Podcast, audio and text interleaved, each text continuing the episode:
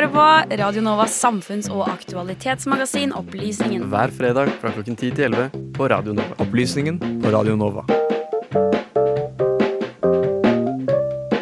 Det er altså så riktig som eh, det går an å bli. Du hører på Opplysningen 99,3 her på eh, Radio Nova.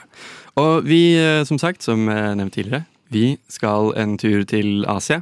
Eh, om ikke fysisk, i hvert fall figurativt. Vi skal til Nord-Korea. Det som ofte omtegnes som The Hermit Kingdom. Har du hørt eh, begrepet, Marte? Nei, det har jeg ikke. Så jeg gleder meg til å lære mer om det. Ja, eh, jeg kan eh, røpe at det kalles The Hermit Kingdom fordi det er et litt sånn av Litt sånn Et ganske lukket land. Nord-Korea er kanskje et av de mindre besøkte land i verden. Et av de mindre, hva skal vi si mm, Diplomatisk vennlig inclined eh, land i verden. Eh, og hvis jeg får spørre dere, hvem er det som er lederen i Nord-Korea? Det er kanskje noe man vet, eh, Emma? Det er vel gode gamle Kim Jong-un.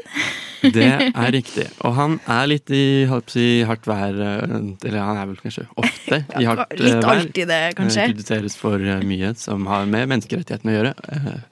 Ikke for å gå ned det kaninhullet. Men uh, han er litt i hardt vær om dagen fordi det ble observert en rakett med bane fra Nord-Korea over Japan. Og Japan er jo da et uh, hva skal vi si, et uh, relativt annet land enn det Nord-Korea er. Japan er veldig, hva skal vi si, har veldig varme relasjoner med blant annet USA da, og Sør-Korea og Taiwan. Så det er en litt annen, hva skal vi si, en litt annen klubb, en litt annen, et litt annet nabolag, rett og slett. Så vi skal ta og høre litt på hva vår reporter Helena Skrøder fant ut om denne rakettoppskytningen.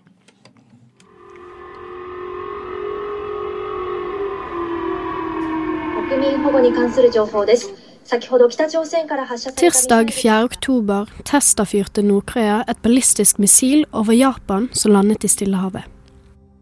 Dette er første gang på fem år at de har skutt opp et missil over Japan, og aldri før har Nord-Korea klart å skyte et missil så langt vekk i Stillehavet. På under tre uker har Nord-Korea klart å fyre opp over ni missiler. De fleste har brent opp i atmosfæren eller landet i Japanhavet vest for Japan. Da missilen som ble skutt opp den 4. oktober, advarte Japan sine innbyggere om å ta dekning. De bestemte seg for å innstille flere tog da missilet passerte over Japan før det falt i Stillehavet. Etter den første missiloppskytingen svarte USA, Sør-Korea og Japan med å holde flere militærøvelser nær den koreanske peninsulaen. Og det har nå blitt en del spenninger blant disse landene. Man lurer derfor på hvorfor avfyrer Nord-Korea så mange missiler akkurat nå? En av grunnene kan være at nå som Vesten er opptatt av krigen i Ukraina og fokuserer på den, kan Kim Jong-un føle at tiden er inne for disse missiltestene. Nord-Korea vil også kanskje vise at de prøver å være en militærmakt.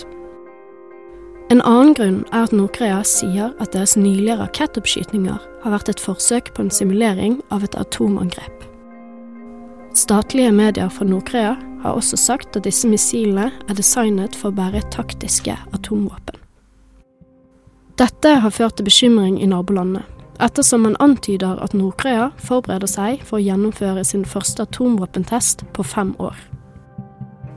Sør-Koreas president Yun Suk-yeol kom med en uttalelse om at Nord-Korea ikke har noe å tjene på å bruke atomvåpen. Uttalelsen var som følger. Nord-Korea viser frem sin kjernefysiske utvikling, og truer ikke bare republikken Korea, men hele verden. I Nord-Korea har det også gått en enorm pengebruk til disse oppskytningene, mens befolkningen i landet er rammet av en sultkatastrofe. Sør-Korea har sagt at de kan hjelpe Nord-Korea økonomisk hvis de trapper ned på disse rakettoppskytningene. Så får vi se om Nord-Korea takker ja til denne forespørselen eller ikke. Slik situasjonen er i verden akkurat nå, kan det virke som at Nord-Korea truer ikke bare sine naboland, men også verden. Ettersom det også trues med atomvåpen i krigen i Ukraina, er verden redd for mer eskalering. Folk er redde for at det kan bli utlyst en atomkrig, og det som Nord-Korea gjør nå, er bare med å fremme denne frykten. Vi får vente og se om Nord-Korea faktisk vil gjennomføre denne atomvåpentesten. eller om de vil høre på Sør-Korea sitt forespørsel om økonomisk hjelp, slik at de kan hjelpe sitt eget folk heller enn å skremme andre land. Ja, og reporter i denne saken var eh, Helena Skrøder.